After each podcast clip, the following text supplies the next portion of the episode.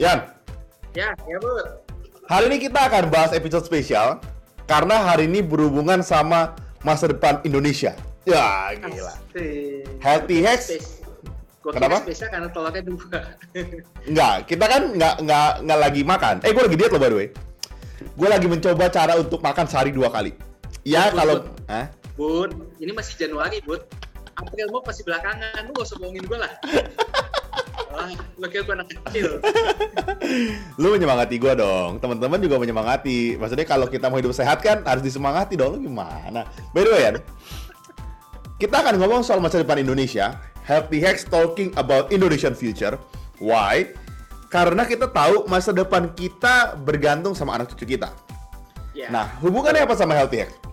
Hubungannya adalah karena gue orang tua baru, jadi gue banyak dengar soal stunting. Dan seperti seperti tanya juga sama subscriber kita, dok bahas soal stunting dong. Nah, gue dari awam taunya stunting itu adalah gizi anak yang kurang, sehingga anak jadi eh, tingginya kurang, Hmm. kecerdasannya kurang. Pokoknya bego lah gitu. Pertanyaan gue, gue tuh jadi mikir. Enggak, dengar, dengar, dengar. Pertanyaan gue gini ya, pertanyaan gue gini. Yang gue bingung, yang gue bingung ya gini. Ki- Kita suka denger lah, orang dulu, eh, eh orang tua gue miskin nih, dulu gue makan cuma nasi dibagi 8, telur dibagi 8. Pengusaha sukses. Maksud gue, kenapa sekarang jadi big deal gitu? Zaman dulu kan ada orang susah juga ya gitu.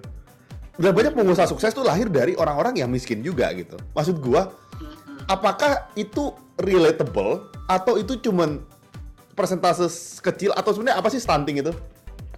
Oke, Bud. Tapi sebelum kita bahas itu, Bud. Jadi lu mesti bedain antara pertumbuhan sama perkembangan anak. Tumbuh dan kembang gitu. Oke. Jadi kalau misalnya stunting, kita bicara tentang pertumbuhan. Hmm. Di mana tinggi, tinggi badan yang diharapkan pada saat usia tertentu dibandingkan dengan berat badannya itu tidak tercapai. Nah, itu kita sebut dengan stunting. Oke.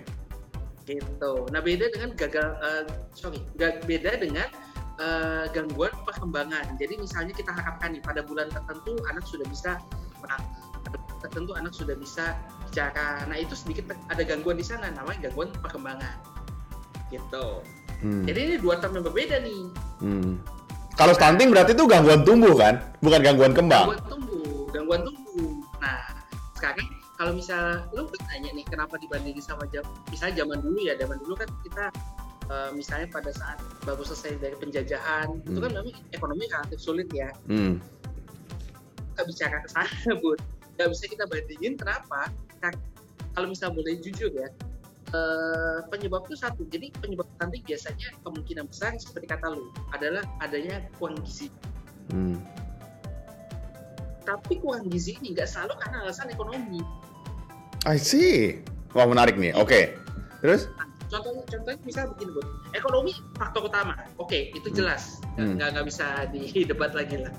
Tapi kadang-kadang ada juga beberapa orang tua yang itu nggak tahu nih kalau misalnya ternyata anaknya itu membutuhkan nutrisi tertentu dalam jumlah yang cukup Oh, atau sense. biasa atau adat yang misalnya contohnya anaknya nih eh, anaknya muncul bisul misalnya Hmm. pada saat mulai pemberian makan telur Hmm. bisa aja sebenarnya nggak related ya antara telur sama bisulnya tapi Iya. nanti kata orang kata keluarga dekatnya wah jangan tuh alergi telur nggak boleh dikasih telur akhirnya dia nggak dapet telur sama sekali Hmm. di mana nggak apa-apa kalau ada substitusi protein dari telurnya nah lu kebayang nggak anak yang nggak dikasih telur nggak dikasih protein yang lain terus dibi- dianggap diharapkan bisa tumbuh dengan eh, baik ya nggak bisa susah karena dia Hmm. kurang protein itu kuncinya I see. Nah, oke, oke. Em, sekarang pertanyaan gue gini, berarti stunting itu adalah berat badannya nggak sih ideal dengan tinggi badannya? Atau sebaliknya, gitu ya? Hmm. Tinggi badannya nggak sesuai sama... jadi Hmm. Kenapa gue membawa berat badan? Jadi stunting itu kan dinilai berdasarkan grafik. gitu. Mm-mm. Lu juga pasti kayak udah dikasih tahu ya, Bud ya, Iya, waktu lu kontrol bawa kontrol anak lu kan, itu Hmm. kan.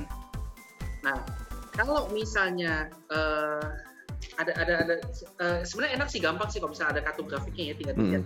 Cuma sorry banget sobat tertim, ilmu budi kayak gitu buat nyampein di sini gitu. Jadi, aduh, gitu kan. Gue cuma mau ngejelasin apa itu susah gitu. Eh, coba ngomong aja, ngomong aja, ngomong aja lo. Jadi standar deviasi yang normal itu antara minus 2 sampai plus 2 itu kita katakan masih normal. Hmm. Nah, itu kita berdasarkan berat badan dan juga panjang badan. Ya, Hmm. kalau misalnya anaknya masih kecil banget. Nah, kalau misalnya di bawah min 2 itu kita kategorikan masuk ke stunting. Hmm. Oke, I gitu. see. Jadi jadi kalau misalnya kita mau bicara tentang stunting itu pokoknya kita mesti nggak bisa di grafiknya kita nggak bisa bilang seorang anak tuh stunting cuma dari ngeliat cuma Hmm. kalau dokter ibaratnya megang-megang doang pakai stetoskop enggak kita menggunakan kartu pengukuran I see. Gitu. Nah, Yan, pertanyaan gue gini. Apakah kan gini, lu kan agak so tau ya, kan lu belum punya anak, gue udah punya anak. Jadi lu gak bisa so tau ngomong stunting karena gue bisa lihat anak gue tumbuhnya gue bisa lihat gini ya. Mari kita mari kita pertanyakan ini. Yan, ada beberapa kondisi di mana maksud gue gini. Misalnya dalam misalnya dalam bulan tertentu dia stuck gitu ya. Akhirnya di bawah minus 2.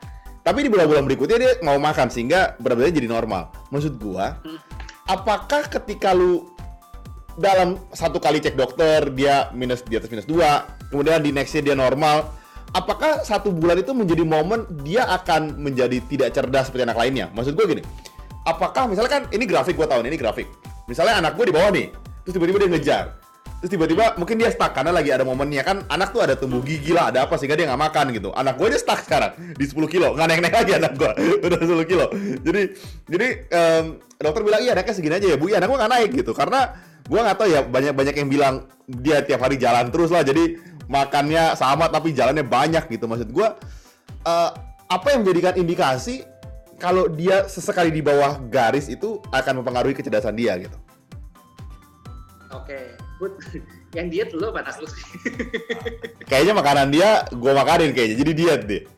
Terus gue gagal diet jadinya. terus alasannya tumbuh gigi gitu ya. Ah. jadi buat eh, kan grafik itu kan berjalan terus ya. Jadi pengukuran ini biasanya kita udah agak masuk eh, apa namanya kan yang gue bilang ada range ya. Antara min 2 sampai plus 2 berarti kalau kita lihat tuh ada sekitar 4 poin lah. Min 2, min 1, 0, 1, 2, O5 Berarti kalau misalnya pada saat seseorang untuk kontrol ke dokter ya nanti akan dilakukan penyesuaian bud. Ya Hmm. kita harapkan sih kalau bisa berada di garis tengah, Hmm. itu berarti ideal banget tuh Hmm, hmm, hmm, ya hmm. kan nah sekarang lu bilang nih dia pertama minus dua yang mengarah ini gitu berarti kita edukasi kepada keluarganya kita cari tahu penyebabnya apa Hmm.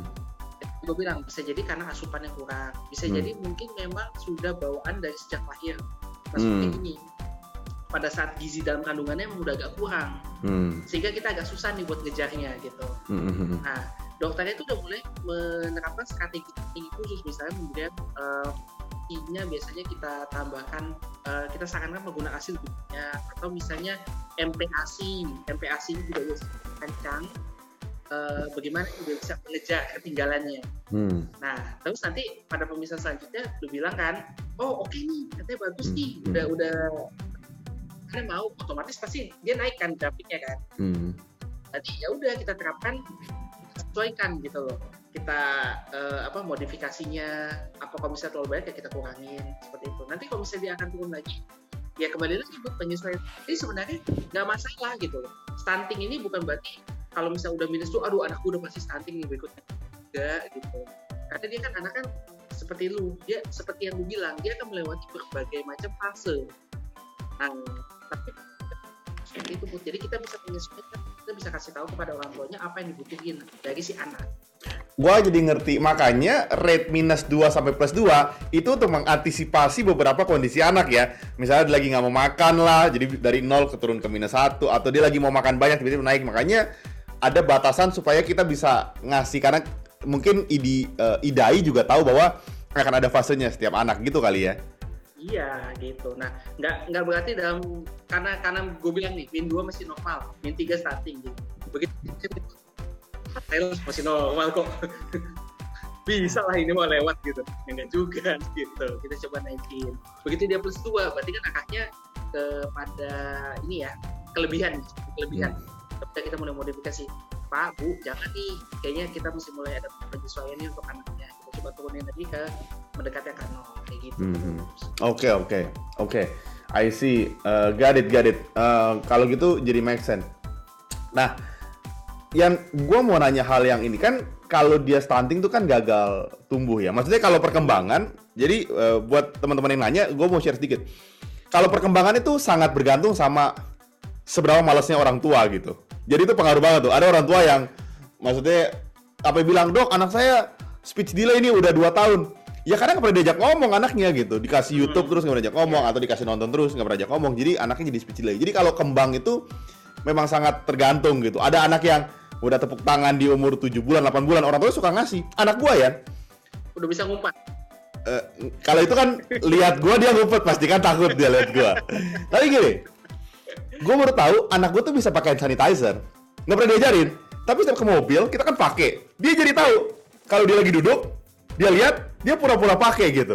Jadi anak itu kan akan ngikutin terus ya. Jadi dia dia sangat sangat sangat cepat buat ngikut gitu. Dia jadi tahu, oh iya ikut pakai sanitizer. Terus dia kalau misalnya kita kan beliin dia tangga kecil untuk dia ikut eh, kalau masak ikut segala macam ikut gitu dan dulu bulan lalu dia bisa turun tangga sendiri. Sekarang nggak bisa. Kenapa menurun gitu kan? Karena kebiasaan tiap naik tangga turunnya minta gendong digendong. Sekarang jadi nggak bisa turun dia. jadi jadi gue mau kasih tau teman-teman bahwa gini, anak itu tuh penuru yang baik gitu. Karena dia sering minta digendong, kita gendong, dia lupa caranya turun. Dulu bisa, lu bayangin ya. Hari kedua beli tangga dia bisa turun. Kaki-kaki dia bisa kan excited. Nah hari ini kan dia malas ya, udah naik dia malas turun kan. Terus dia minta, terus digendong sama mbak gua. Jadi dia nggak bisa turun gitu. Jadi gua ngerti kalau soal kembang. Tapi kalau soal tumbuh pertanyaan gue begini.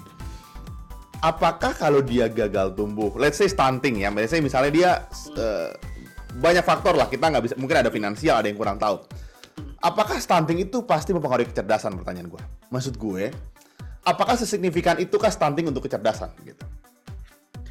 Oke, sebenarnya tergantung ya Bud ya. Jadi kembali lagi ke penyebab stuntingnya itu apa. Stunting itu kan sebabnya bisa macam-macam Hmm. ya.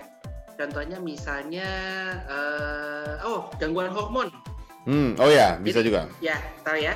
Jadi gue nggak bilang orang tuanya salah ya. Maksudnya mungkin ada kekurangan yang dilakukan orang tuanya, misalnya pada saat eh, kehamilan, pada saat anaknya sudah lahir, pemberian makanan seperti apa. Bisa menyebabkan stunting itu bisa.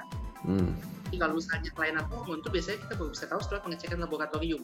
Karena kita see. cek dulu nih hormonnya, tiroidnya seperti apa. Biasanya kalau misalnya stunting yang disebabkan karena gangguan hormon, ya growth hormon misalnya itu sebenarnya nggak akan mempengaruhi kecerdasan si anak Oke.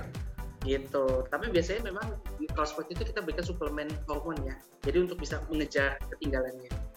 Nah, lain ceritanya kalau misalnya memang stunting itu disebabkan karena kekurangan eh, katakanlah mungkin nutrisi atau gizi yang terjadi pada saat selama masa Hmm. Nah, stuntingnya sendiri nggak mau pengaruhi kecerdasannya, tapi penyebabnya yaitu tadi karena dikurangi nutrisi, biasanya bisa menyebabkan adanya delay pada Hmm. perkembangan si anak. Ujung-ujungnya karena kekurangan nutrisinya. Gitu. I see. Em, kalau gitu, em, kita harus, gua, gua mengerti bahwa kadang-kadang lebih dibutuhkan edukasi daripada finansial. Ma- Maksud gue gini, finansial really important, tapi eh, ada faktor edukasi yang mungkin orang tuh suka lupa. Jadi gue baru tahu gini, kan hal yang nggak baik buat kita sekarang itu baik buat anak. jadi jadi misalnya kan gue baru tahu ya dokter suka bilang anak kecil itu nggak boleh makan sayur sampai 2 tahun karena dia tidak butuh serat. Kalau serat dia makan sayur dia sembelit nanti. Jadi sayur tuh sangat kecil sebetulnya porsinya buat anak sampai dia 2 tahun. Lebih lebih perlu makan makanan yang nggak bergizi, santan, eh, apa keju, ati, jeroan gitu. Jadi gue baru tahu maksud gue eh, makanan-makanan yang tanda kutip lebih murah gitu, ati gitu lebih murah daripada daging kan. Itu cocok buat anak. Makanya waktu kita kecil kita suka banget lihat anak dikasih makan nasi sama ati. Karena dia mereka perlu banget. Eh, proteinnya perlu, lemak sangat perlu gitu dibanding hal-hal lain yang eh, sayur. Dan gua rasa gue setuju sama Adrian, banyak orang tua yang mungkin nggak tahu yang mereka pikir mereka sehat, mereka pakai itu buat anaknya itu jadi sehat padahal sebetulnya kebalik gitu ya kalau dia anaknya mahal emang makannya makan keju makan apa sih butter gitu gitu aja kalau enggak eh, ati dan usus ayam itu menyenangkan loh gua aja seneng sebenarnya iya kan Iya sebetulnya. Eh, iya. Mau menyenangkan. Gua kita makan hati kalau tiap kali syuting sama lo. jadi kurang sering apa? Coba itu makan nasi. Jadi lo gua ngerti makanya sekarang kenapa kolesterol lu agak tinggi asam urat tinggi. Karena lu makannya ketemu ketemu gua jadi gak bener mulu ya. Tapi tapi em, untuk stunting gua rasa memang ini bisa jadi concern ya terutama untuk eh, edukasi supaya teman-teman tahu eh, bapak ibu juga orang tua baru juga tahu bahwa sebetulnya banyak makanan yang mengandung nutri nu- nutrisi protein lemak yang anak kita perlu tapi kita nggak aware gitu. Mungkin lebih murah tapi kita nggak aware. Dulu gue cerita sedikit istri gue kan ikut suka ikut kelas ya jadi ikut kelasnya banyak banget sampai salah satu sertifikatnya nyasar sama Budi Kristanda gitu. Karena dia udah ikut tapi dia nggak dapat gratis promo dia pakai email gua. Jadi untuk dapat promo. Jadi nama gue ternyata di sertifikat itu. Jadi dia dia cerita sedikit dia bilang gini "E, ibu anak saya tuh salmon eh, boleh nggak ya? Apa boleh nggak ya? Dia bilang gini ibu ibu. Makan ikan bandeng ikan lele tuh sehat banget loh sebetulnya. Nggak usah ikan salmon lah dia bilang gitu gitu ikan kita tuh sehat sehat dia bilang. Terus gua gua baru ngerti gitu kan. Dia bilang banyak banget ikan-ikan kita yang yang deket sama kita yang itu sehat. Omega 3 nya banyak nutrisinya banyak. Kadang-kadang Iya. kita tuh berlebihan melihat ikan-ikan lain. Cuman gue baru tahu ternyata Yan mungkin lu nggak tahu. Ada ikan yang emang anak tuh nggak boleh makan. Ikan kembung.